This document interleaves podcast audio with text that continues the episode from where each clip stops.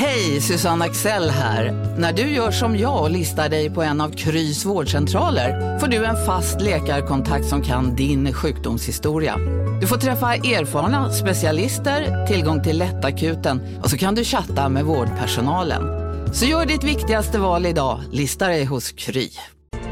Kurrar i magen och du behöver få i dig något snabbt? Då har vi en Donken deal för dig. En chicken burger med McFeast-sås och krispig sallad för bara 15 spänn. Varmt välkommen till McDonalds. Från Monopol Media, det här är Kapitalet med mig, Åsa Secker. Och med mig, Gunnar Harjus. Eh, Gunnar, vi sa ju i förra veckans avsnitt att det var slut på avsnitt om reklam nu. Vi och vi, det är mig där. Det var jag som sa det, men jag fick lite känslan av att du ändå var ombord. Ja, okej, okay, så då, då, tar jag, då eh, embracear jag det här vi-perspektivet och säger att vi ljög. Vi ljög. Ja. Förlåt, det finns ett avsnitt till eh, om reklam. Och, eh, och det är jättebra vill jag säga. ja, på riktigt. Eh, framförallt så ska ni få höra det nu.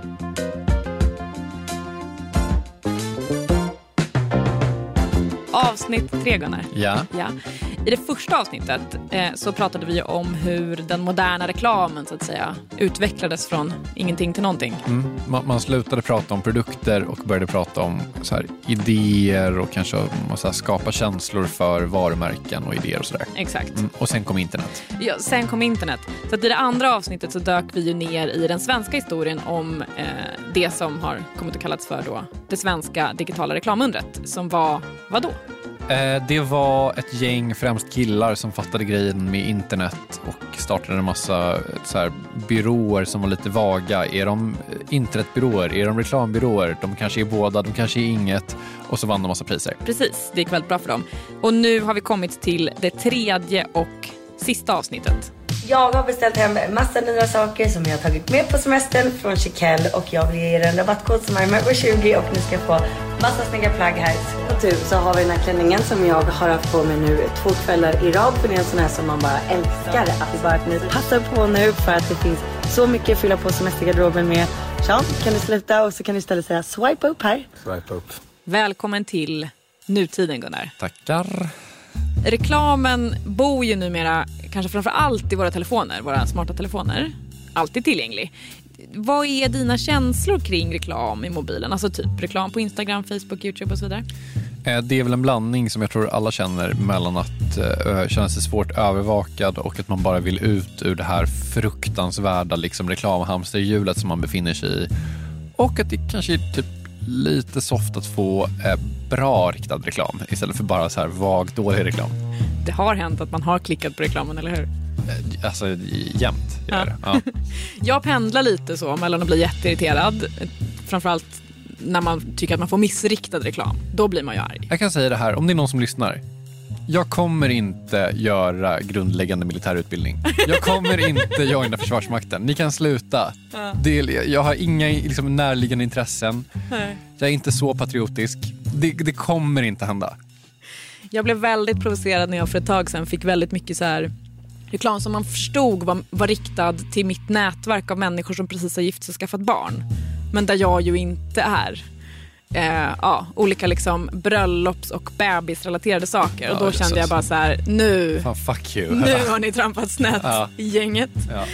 Ja, så det, det, där kan man bli väldigt irriterad på. Men, men liksom den andra änden av det där är att jag ibland kommer på mig själv att inte ens märka att det är reklam till exempel insprängt i Messenger. Det har jag i princip inte tänkt på förrän någon påpekade det för mig. Nej, och du påpekade det för mig typ morse och jag tror det fortfarande inte för att jag har inte sett det tidigare. Nej. Alltså det, det, jag tror inte på dig. Nej. Nej. På ett sätt så är ju det här bara en naturlig utveckling i takt med teknikutvecklingen. Reklamen måste ju finnas där folk finns om den ska nå någon. Just det. Samtidigt så har det hänt en hel del andra saker parallellt med den här teknikutvecklingen. För att när reklamen flyttade ut på internet och en massa andra saker digitaliserades så gjorde det att medierna, alltså vanliga medier, eh, tappade jättemycket intäkter. Och kanske framförallt papperstidningarna. Det, det kändes inte supersmart att köpa printreklam som är helt oriktad när man kan köpa väldigt mycket mer riktad digital reklam billigare. Ja men exakt. Sen har ju papperstidningarna flyttat ut på internet så att de har kunnat ha nätreklam Men det var ju mycket svårare i alla fall i början att ta lika mycket betalt för annonser online.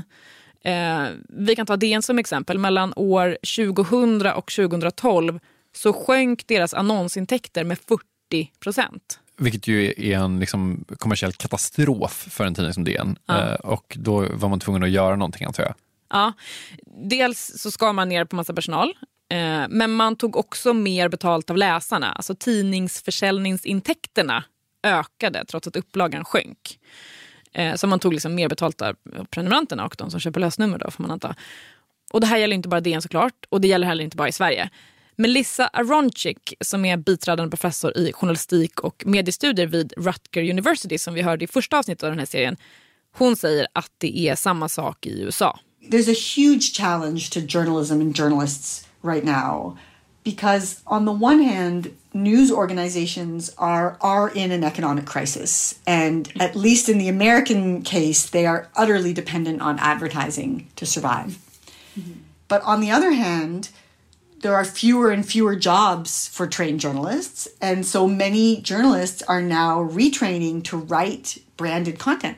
So yes. they're not even doing standard reporting anymore. Och det sista som hon nämner, branded content, det är ju en grej som har eh, dykt upp och som man kan säga är ytterligare ett sätt för tidningarna att försöka få ekonomin att gå ihop utöver då att man höjer priset för läsarna.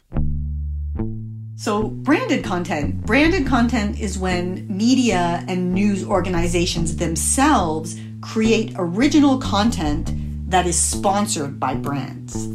Yeah. Um, at the New York Times, for instance, they have a whole department now that is called T Brand Studio, where brands pay for New York Times staff to craft stories that put the brands in a good light. For example, you will read an article about the growth of small business sponsored by Dropbox. Or you'll read an ad, or sorry, an article about racial diversity in hairstyles sponsored by Dove Shampoo. Det där är en underbar eh, felsägning för att det är ju, det ser ut som en artikel men det är reklam. Eller ja, alltså, ja, ja. det är en ad, sorry an article. Alltså. Ja, exakt. Och eh, sen finns det ju en annan variant. Native advertising is when ads try to look like the environment in which they appear. So, for instance, an ad on a news website that tries to look like a news article with a byline and the same layout and typeface and so on. Mm-hmm. That's really not a new idea. Um, Mobile Oil did that for decades in major American newspapers starting in the mid 1980s. Uh, mm-hmm. they created the idea of the advertorial, which is a portmanteau of the words advertising and editorial. And they placed ads every Thursday for um, from 1985 through 2000 in the New York Times and other major news outlets with their corporate view of political issues. It was very, very impactful. Let's, but essentially, native advertising is now a digital version of that advertorial that we saw in print media. Så att native advertising är uppenbarligen inget nytt då. Men native advertising och branded content menar Melissa Ronchik är liksom med och hjälper till att sudda ut gränserna mellan det som är reklam och det som inte är reklam. Eller snarare mellan det som är så ren och saklig information och det som är reklam. Och Det här har ju såklart eh, skett över tid och inte över en natt. Men då undrar man ju, hur gick det till? Alltså hur hamnade vi här? Efter det här.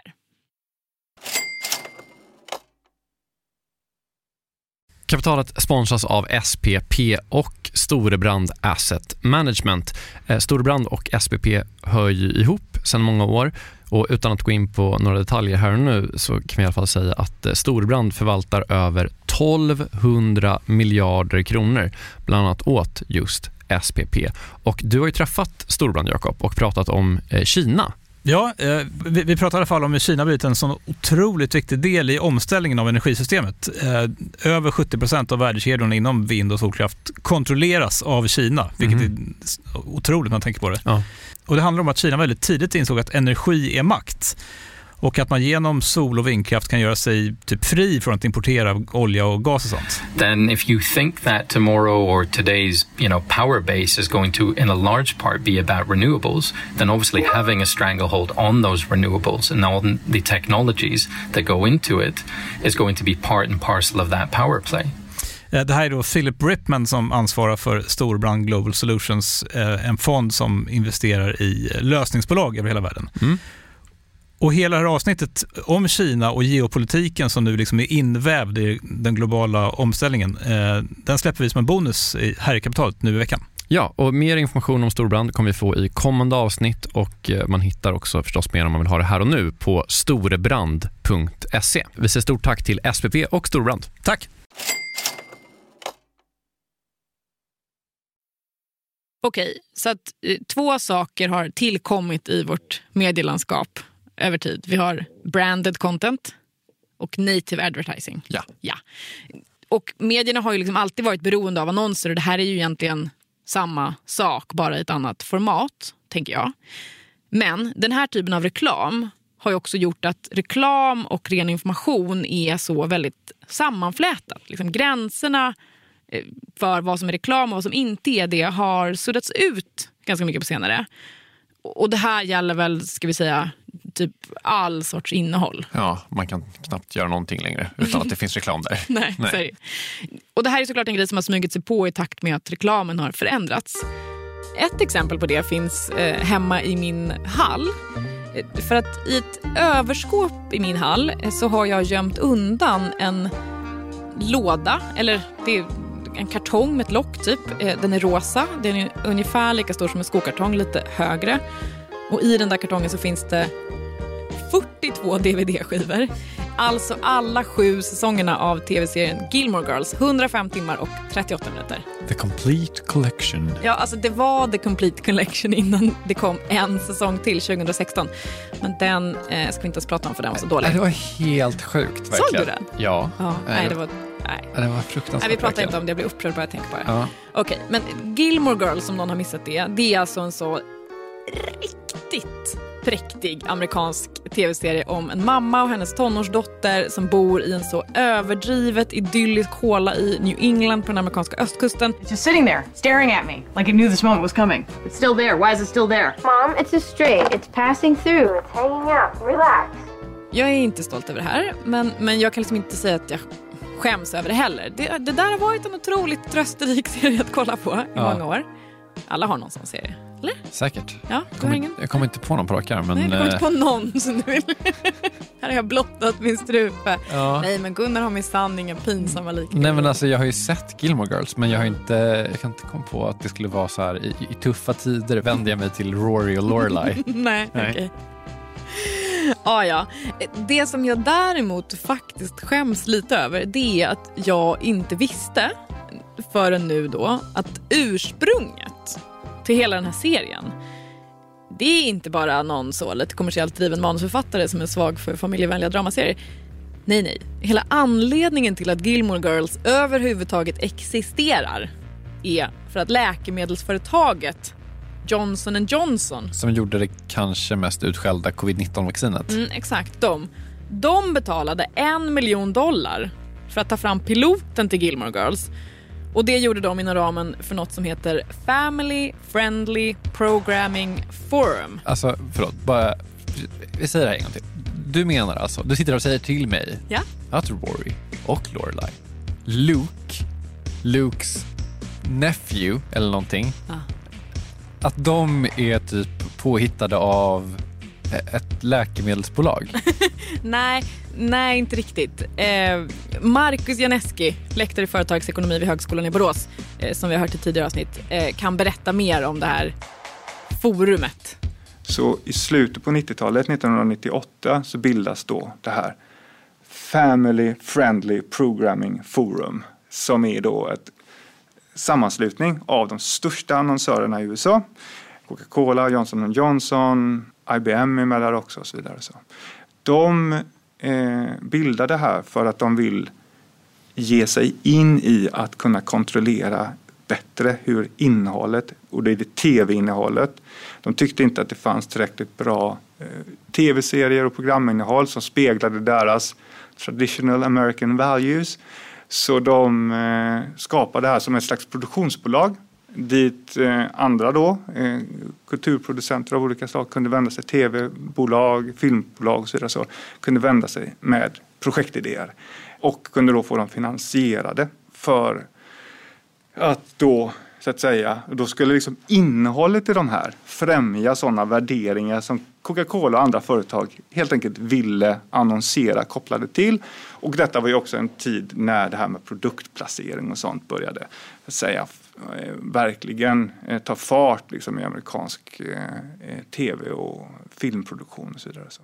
Sen ska det sägas att eh, det är ju inte då FFPF som producerar själva innehållet, men det är de som betalar. Man kan väl säga lite att de behövde typ serier som var tillräckligt typ trevliga och snälla så att de kunde göra trevlig och snäll reklam i pauserna av det. typ. Jo men förut så, så, så figurerade de bara liksom i pauserna mellan programmen och då hade de ju bara kontroll över pausen så att säga och det budskapet de basunerade ut i pausen. Nu ville de liksom också ta kontroll över vilka budskap som basunerades ut ja. runt omkring deras reklam och, och de ville att det skulle vara family friendly. Ja och då vart det lite tokiga, mycket, mycket liksom så New England-mysiga tjejer som går på café. Ja, ja, exakt. För Gilmore Girls som hade premiär år 2000 är ju då ett exempel på en tv-serie som de är med och tar fram. You should wear your dress with the ponies on it. I bet he likes ponies. Och det här fyller flera funktioner för de här företagen som är med i den här sammanslutningen FFPF. De stora varumärkena ser sig själva plötsligt som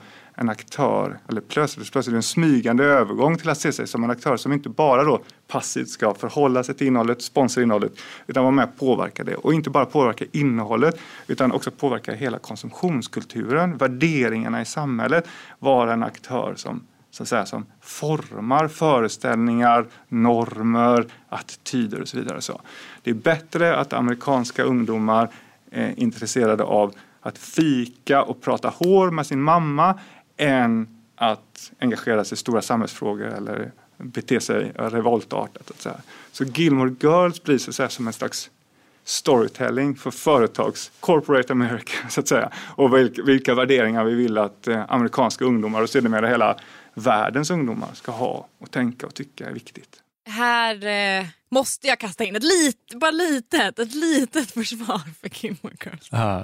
Lorelai och Rory fikar jättemycket. De pratar väldigt lite om hår. Ja. ja. Är det ditt starkaste försvar för serien Gilmore Girls? Som jag gillar, men jag kan säga att du kan släppa det här försvaret. Vi kan gå vidare. Ja. Eh, men så här, nu när jag vet det här, att liksom hur tillblivelsen av den här serien såg ut, så kan jag liksom inte låta bli att känna mig lite lurad. Alltså, med den här vetskapen så känns det ju som att hela serien är en enda lång reklamfilm till för att så promota traditional American values. Och då känner jag mig ja, men, mer köpt än vanligt. Förstår du vad jag menar? Alltså på ett sätt så blir man, för att man också blir lite lurad, när man får, för det här är första gången jag hör den här informationen, så blir det lite typ att man på ett sätt hade varit bättre om det hade varit typ så här This following programming is sponsored by uh, Johnson Johnson. Och så man bara vetat det, så här, det här är avsändaren egentligen. Typ. Mm. Men att man blir lite blåst på det också. Mm. Och, och, då känner man sig extra köpt. Ja men exakt. Ja, det kanske hade varit annorlunda om man bara hade vetat från början hur det låg till. Men det är ju också någonting med att, liksom, att de har varit med och sagt ja eller nej till manus som passar deras åsikter. Ja, jag vet inte. Men, men det här är ju i alla fall ett väldigt tydligt exempel på när gränserna suddas ut. Alltså gränserna mellan eh, vad som är reklam och vad som inte är reklam. Alltså, är Gilmore Girls mer reklam än vad det är en dramaserie för att Johnson Johnson har betalat för piloten? Eller är det liksom ingen skillnad mellan det här och att typ allt medieinnehåll på något sätt är annonsfinansierat? Alltså på ett sätt så kan man vara så konsekvensneutral. Att man är typ så här, eh, oavsett vad avsikterna var så var liksom resultatet att det var en mysig tv-serie som miljontals människor gillade. Och då är det typ så lite skitsamma vem som, som liksom, liksom gynnas av den någonstans. Eller, mm. Andra sidan så kan man känna så här, kan Johnson Johnson ge fan i typ vad som går på tv tack? Ja. ja. Och då blir ju frågan någonstans, spelar det någon roll om vi vet vad som är reklam och vad som inte är reklam efter det här?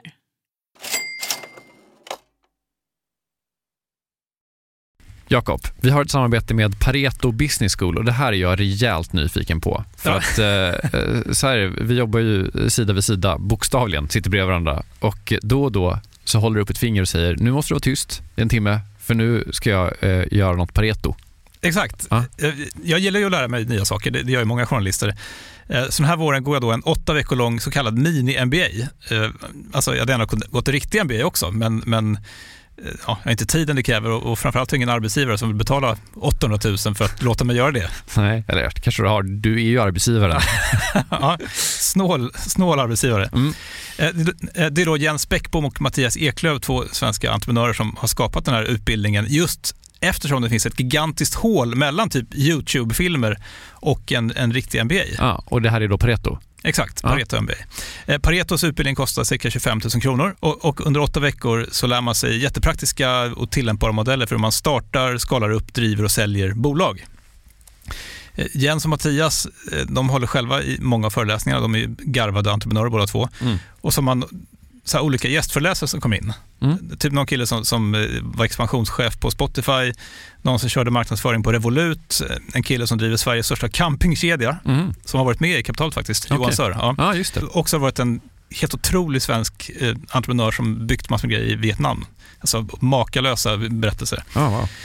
Eh, Så den här kursen består av en blandning förinspelade moment och seminarier, men man går också i då så här kohorter tillsammans med andra deltagare från Sverige och utlandet. Jättenyttigt, eh, tidseffektivt och funkar jättebra för, för den som vill driva egen verksamhet som, som typ vi gör här. Eller om man typ driver projekt och affärer i större bolag. Wow. Om man är taggad på att eh, bli en del av den här, liksom, vad ska man säga, Jakob skolan om man vill bli som dig, lära sig lika mycket som, som du har lärt dig, vad, Ja. gör man då? Eh, Nästa kursstart är 5 april. Eh, Så vill man ta ett kliv framåt eh, i sin utveckling eller karriären eller så, eh, gå då till arbetsgivaren och kolla om du inte kan gå den här utbildningen. Eh, Priset ligger alltså på 2500 euro, men ni får 10% rabatt om ni anger Monopol Media som referens när ni eh, gör er anmälan. Mm. Eh, Man kan också gå in på paretoschool.com för att eh, läsa mer och ja, se lite smakprover från själva utbildningen. Då. Mm. Så att eh, man sparar jättemycket pengar för att gå Handels MBA och man sparar ytterligare pengar om man tar del av eh, Monopol Media-erbjudandet. Ja, exakt. Ja, en no-brainer som vanligt. Plus att man blir ju eh, alumnkollega med mig då. Verkligen. Så stort, stort tack till eh, Pareto Business School och eh, gå in på paretoschool.com.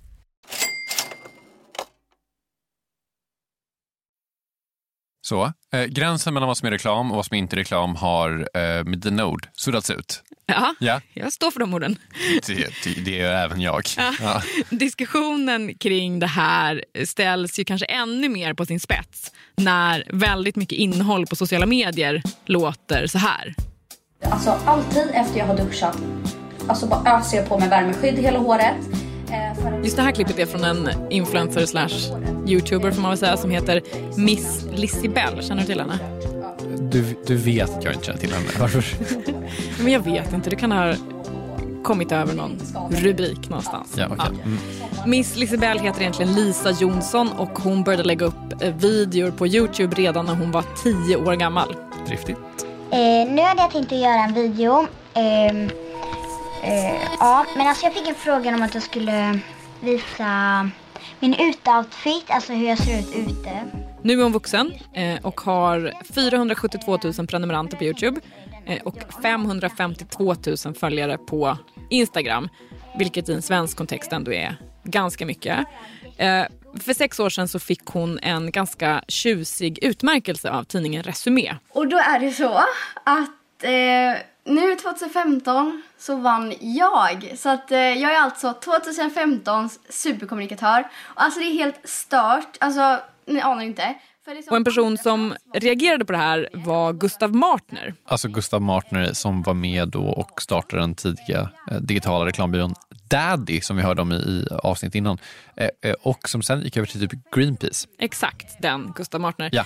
Eh, 2015 så var han ordförande för KOM, Sveriges kommunikationsbyråer eh, som förut hette Sveriges reklamförbund. Och när han såg Miss Lissibells eh, video på Youtube, ja, men då bestämde han sig för att anmäla en av dem för smygreklam till reklamombudsmannen. Jag kände så här, om influencers och mediaägare utav plattformar och, eh, och sådär, om de, de måste gå igenom samma process som eh, de gamla mediehusen och reklambyråerna och så har gått igenom. Nämligen att de du vet, förstår hur det fungerar och varför det är viktigt för, för alla då liksom. Att, eh, att vi håller ordning på de här grejerna. Så att jag vill egentligen bara sätta den bollen i rullning. För det var ingen som såg det som att det, det var en fråga liksom. Hejsan hejsan! Idag så tänkte jag öppna lite paket med er och paketet kommer ifrån jfr.se. I just den här videon så pratar hon om eh, sminkprodukter från ett specifikt företag och så ger hon sina följare en rabattkod till det där företagets webbshop och så lottar hon ut grejer från dem. Jag har en, två, tre, fyra, fem, sex, sju stycken saker att visa. Och när Gustav säger att ingen såg att det var en fråga så menar han alltså eh, det här med att man ska kunna se skillnad på vad som är reklam och vad som inte är reklam. Och det som är reklam ska märkas ut som reklam. Även i de här kanalerna som var rätt nya då, alltså influencers och youtubers. Och sånt där. Som det varit en debatt om ju. Ja. Sen dess, ja. Men Gustav kommer ju ändå då från reklamhållet och eh, liksom han tycker, trots det, eller kanske på grund av det, att det här är liksom jätteviktigt. Om någon frågar dig hur är det att bo i, ditt, eh, i din stadsdel? Vad, vad, funkar, vad funkar inte i din stadsdel och så? Då, då kan man ha ett väldigt gott samtal med dig ifall det handlar om att vi ska liksom försöka förbättra stadsdelen. Men om du ska sälja din lägenhet och så ställer de som eventuellt ska köpa din lägenhet samma fråga. Då kommer du antagligen lite, lite undvika att prata om eh, det här att du ibland känner dig lite orolig och rädd när du går hem och så kanske. Det, det kanske inte är det första du säger i alla fall, eller hur? Nej, och så funkar lite reklam versus yttrandefrihet också. Att reklamen tenderar till att eh, liksom vilja att allt ska vara bra, även ifall det kanske inte är så jävla bra. Eh, reklamen vill väldigt mycket att det ska bli en affär och att eh, man ska blunda för allt det där jobbiga vi måste lösa tillsammans. Och, och det är så logiken är. Du vill sälja lägenheten, alltså pratar du inte om att eh, det finns ett problem med att eh, grannen är lite jobbig ibland. Liksom. Eh, men däremot om vi ska lösa liksom, en bra bostadsrättsförening så måste grannen kanske skärpa sig lite. Då får vi prata om det. Och det är liksom så här det funkar med eh, yttrandefrihet versus eh, reklam. Eh, och för att då fortsätta på den liknelsen. Jag gissar att Gustav kanske då inte vill ha ett samhälle där alla bara vill sälja sin lägenhet, men ingen vill liksom, jag vet inte, se till att det finns trevliga stadsdelar eller bra stämning i BRFen eller sådär. Precis. Eh, det han säger är väl egentligen att man ska veta vad som är reklam eftersom att reklamen har en helt annan agenda. Den har ett annat syfte. Och Han menar då att om man skiter i det, eh, man kör lägenhetsförsäljning för hela slanten Ja, men då blir konsekvensen, menar han, då, att vi får dålig journalistik, vi får dåliga samtal och så vidare. och så vidare, och så vidare. När de kommersiella krafterna tar över för mycket så blir det dåligt för alla, eh, tycker han. då. Och Han menar att det är därför som vi har alla de här reglerna som vi ändå har. Typ då marknadsföringslagen. Precis. Den säger då till exempel att man inte får göra reklam riktad till barn, att reklam ska gå att identifiera och så vidare. Och nu då, när reklamen har förändrats och medielandskapet har förändrats så måste vi liksom se till att applicera de här reglerna där också. Okej, så han ville då genom att anmäla hon Miss Lisibell, han ville då liksom testa var de här gränserna går. Vad, liksom, hur ser reglerna ut för det här typen av innehåll? Ja, men exakt. Och det har hänt ganska mycket bara sedan 2015 eh, när Gustav gjorde den här anmälan mot Miss Lisibell, ska sägas. Om man tittar på de senaste tio åren och hur många anmälningar det har kommit in till eh, Konsumentverket om smygreklam eller bristande reklamidentifiering så har det gått från två stycken år 2011 till 588 eh, förra året. Det betyder inte nödvändigtvis att smygreklamen har ökat. Men det är i alla fall fler som anmäler så det har liksom blivit någonting som, som fler tänker på. Just det, och Gustav tänkte på det här jättetidigt. Och hur gick det då för Miss Lisbeth? Jo, men hon fälldes. Eh, reklamombudsmannens opinionsnämnd tyckte att man kunde klassa den här videon som reklam och att det inte framgick tillräckligt tydligt att det var reklam, bland annat. Och, vad sa den andra sidan? Alltså vad sa Lisa? Det var Lisas föräldrar som yttrade sig som att Lisa var eh, så ung fortfarande då. Men, men de menade att den här typen av innehåll ska inte betraktas som reklam utan det här handlar bara om Lisas eh, personliga åsikter om olika sminkprodukter. Eh, hon fick inte betalt av det här företaget. Eh, hon skaffade den här rabattkoden på eget initiativ menade de. Eh, enkelt uttryckt så kan man säga att de menar att hon har bara nyttjat sin yttrandefrihet. Och här uppstår ju ändå något slags gråzon kan man tänka. För en människa måste också kunna få uttrycka att nej men jag gillar faktiskt den här kudden utan att eh, liksom ha ombudsmannen efter sig. Eh, för att det är genuint någonting man tycker och någonting man vill uttrycka. Så absolut. Vem är det här? Jag heter Daniel Redgert och eh, är väl mest känd som någon typ av PR-människa och driver en eh, kommunikationsbyrå som heter Redgert Koms och det är någonting sen, eh, som jag har gjort sedan tre och ett halvt år och där jobbar vi med eh, PR, influencer marketing, performance marketing, lite affärsutveckling, digitalisering för både storbolag men också myndigheter, institutioner, tech, startups och mycket e-commerce. Så det är jag om dagarna. Så när Daniel Redgert säger att en människa måste få säga att de gillar en kudde utan att få reklamombudsmannen efter sig eh, så menar ju han influencers. En influencer För de måste få säga att den gillar en kudde. Ja. Daniels byrå jobbar ju en hel del med influencer marketing. Alltså, man kan säga att det de gör är att de typ kopplar ihop företag med influencers. Exakt. Och Daniel håller med om att gränserna har suddats ut, eh, att det liksom har blivit svårare för konsumenter att veta vem avsändaren är. Jag tror att det finns absolut en, som du säger, det är svårt att veta vad de kommersiella krafterna, alltså vilka de är och, och vad de gör och vad, vad man läser liksom vad man ser och tar del av, vad är oberoende och inte. Det tror jag är jättesvårt men jag ser nödvändigtvis inte en problematik i det. Dels så menar han då att de som till exempel följer influencers på sociala medier, ja men de är rätt savvy. Liksom. Alltså de har ändå något slags öga för vad som är köpt innehåll och vad som inte är det. Oavsett då om det är reklammärkt eller inte. Han menar att man ser sånt. Liksom. Men sen menar han också att den här utvecklingen går liksom inte att backa. Alltså, de kommersiella krafterna finns där i bakgrunden mest hela tiden. Ibland är det svårt att se dem, ibland inte. Men så här ser det liksom ut nu och det får vi acceptera, tycker Daniel Redgert då. Och det finns säkert de som inte håller med. Däremot så ser han ett annat problem. Jag tänker ofta på det för att många av influencersarna har ju tjänat jättemycket pengar och lever liksom otroliga liv som är väldigt svåruppnåeliga och det är mycket konsumtion eh, generellt. Oavsett om det är att någon köper eh, en eh, semesterlägenhet i ett annat land till en väska för 70 000. Alltså de här idealen som unga människor växer upp med om att så här, det här naturligt typ. Det är någonting man går och gör på lunchrasten. Eh, det funderar jag ofta på. Så här, vad gör det med, med unga människor runt om i vårt land och runt om i, i vår värld? Eh, det tror jag snarare kanske ser jag snarare som ett problem än liksom reklammärkt eller ej. Och den här konsumtionskritiken, som vi väl ändå får kalla det för, eh, det är nog Daniel Redgert och Gustav Martner ganska överens om. Varför kan mina barn inte titta på public service Instagram? Varför finns det inte public service Youtube? Mina barn kan inte skapa någonting och ladda upp i en miljö som är, eh, som är eh, för barn. Och här tycker då Gustav att den bästa lösningen skulle vara att skapa fler utrymmen på nätet som är helt reklamfria. Alltså typ ett public service Instagram. Inte bara då att public service har ett användarkonto på Instagram utan att de har en egen app som ja. man använder istället för att använda Instagram och den appen är reklamfri. Eller typ ett public service Youtube. Så att, att reklamaren här vill ha mindre reklam? Ja, en reklamare här vill ha mindre reklam. Ja. Daniel eh, ser väl inte riktigt samma behov av reklamfria ytor. Det är också upp till varje individs liksom ansvar att så här, om jag inte vill kolla på annonser som rullar på Instagram, då får väl jag in, ta bort min Insta, vilket jag gör eh, ibland. Alltså, jag är ju, det är ju också, det är också min personliga åsikt, det är ju ingenting. Men jag är också, tror ju på människans kraft att kunna fatta beslut för sig själv. Eh, så ja, du vet ju var reklamen finns. Stäng av den om du inte vill se den. Eller förstår du? Den absolut största reklambiten vi alla dras med varje dag är ju våra telefoner och eh, Facebook, Insta och sociala medier och allting vi spammas med där.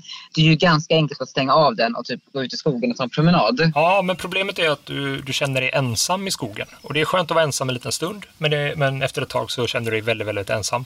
Och eh, det är en väldigt stark drift för människor att vara eh, med andra människor. Och om då alla dina kompisar är i en kommersiell miljö så, så kommer du vara där även om du kanske inte ens vill vara där som en person som älskar skogen, det vet du ju att jag gör, ja. du kan intyga. Intyga här nu. Så kan jag bekräfta att eh, det kan bli lite ensamt ibland om man är där för länge själv. Det blir nästan en så ideologisk fråga där Daniel liksom till, liksom menar att individen har ett ansvar att typ skydda sig själv från reklamen medan ja. Gustav Martney säger att så här, ska den behöva bli utsatt för reklam på det här sättet? Man, mm. man kan ju peka på typ eh, liberalism versus socialism. Alltså så här, mm. ja, det skulle man absolut kunna göra. Ja.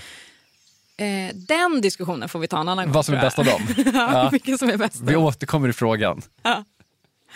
Eh, men om vi ska knyta ihop olika säckar och avsluta med en liten en, en sammanfattning av vår samtid. Eh, hur låter den? Eh, så här.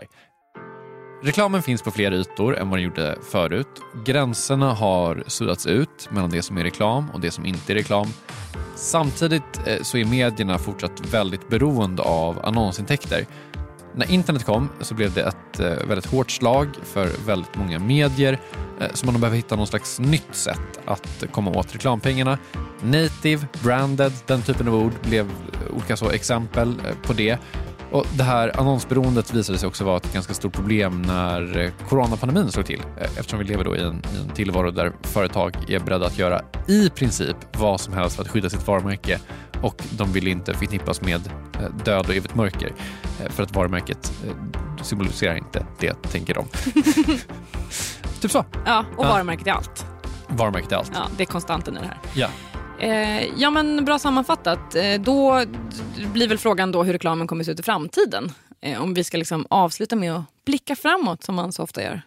Jag känner att om det är någonting man lärt sig av att eh, blicka bakåt så är det att det är eh, nästan omöjligt att eh, blicka framåt för att de förändringar som har skett har varit så radikala. Jag tror att om du frågade någon som satt och skrev copy för såpa på 50-talet, hur kommer, hur kommer reklamen bli i framtiden? frågar man så tror jag inte att den personen skulle säga så här, vi kommer gå bort från det här lite sakliga, att vi skriver hur bra produkten är och försöka typ, komma med sakliga argument. Utan jag tror bara att det tyvärr är omöjligt. Ja, det blir så himla lätt när man ska, utan att vara en person som kan någonting, spekulera framåt, att det blir så här ja, men som när filmer på 90-talet skulle vara lite futuristiska. Att man bara börjar tänka så här, nej men vi har alla så här konstiga glasögon på oss och när vi blinkar så är det reklam och sen är det inte det. Och du vet, man bara nej. Ja, och ja. frågar du Don Draper hur kommer reklamen se ut 2020 så kommer inte han säga, jag tror att vi kommer uppfinna någonting som heter internet och så kommer det finnas vaga byråer som inte är reklambyråer men också är reklambyråer. nej. Den närmsta så framtidsspaningen vad gäller såna här bitar, inte reklam just, men så här, teknik och hur man tar del av information och sådär. Det tycker jag är filmen Her med Joaquin Phoenix. Där den artificiella intelligensen är liksom uppad tio snäpp. Just det. Ja. ja. men det känns som att det är typ relativt nära förestående. Så, ja, kanske, exakt. Ja, så kanske kommer Scarlett Johansson bara gå runt och ge en reklambudskap hela tiden. Ja. Eh, sämre kan man ha det känner jag. Sämre kan man ha det. Det här var det sista avsnittet om reklam. Du lovar, du har inte gjort ett fjärde avsnitt som du bara sitter och har undanhållit från mig. Jag vet att ni inte litar på oss längre, men jag lovar. Förtroendet är brutet. Våra ord betyder ingenting. Nej. Nej, Nej men det här var det sista avsnittet. Och eh, hela den här serien är ett samarbete mellan oss på Monopol Media, alltså du och jag. Ja. Eh, och Campus Varberg, eh, Alexandersson-institutet i Varberg och Handelshögskolan vid Göteborgs universitet. Tre bra instruktioner. Verkligen. Eh, stort tack till Oskar Broberg och Marcus Janeski utan vilka två denna serie inte hade existerat. Kristoffer Krook har mixat. Eh, vi är tillbaka nästa vecka och då handlar det inte om reklam, jag lovar. Hej då! Hej då!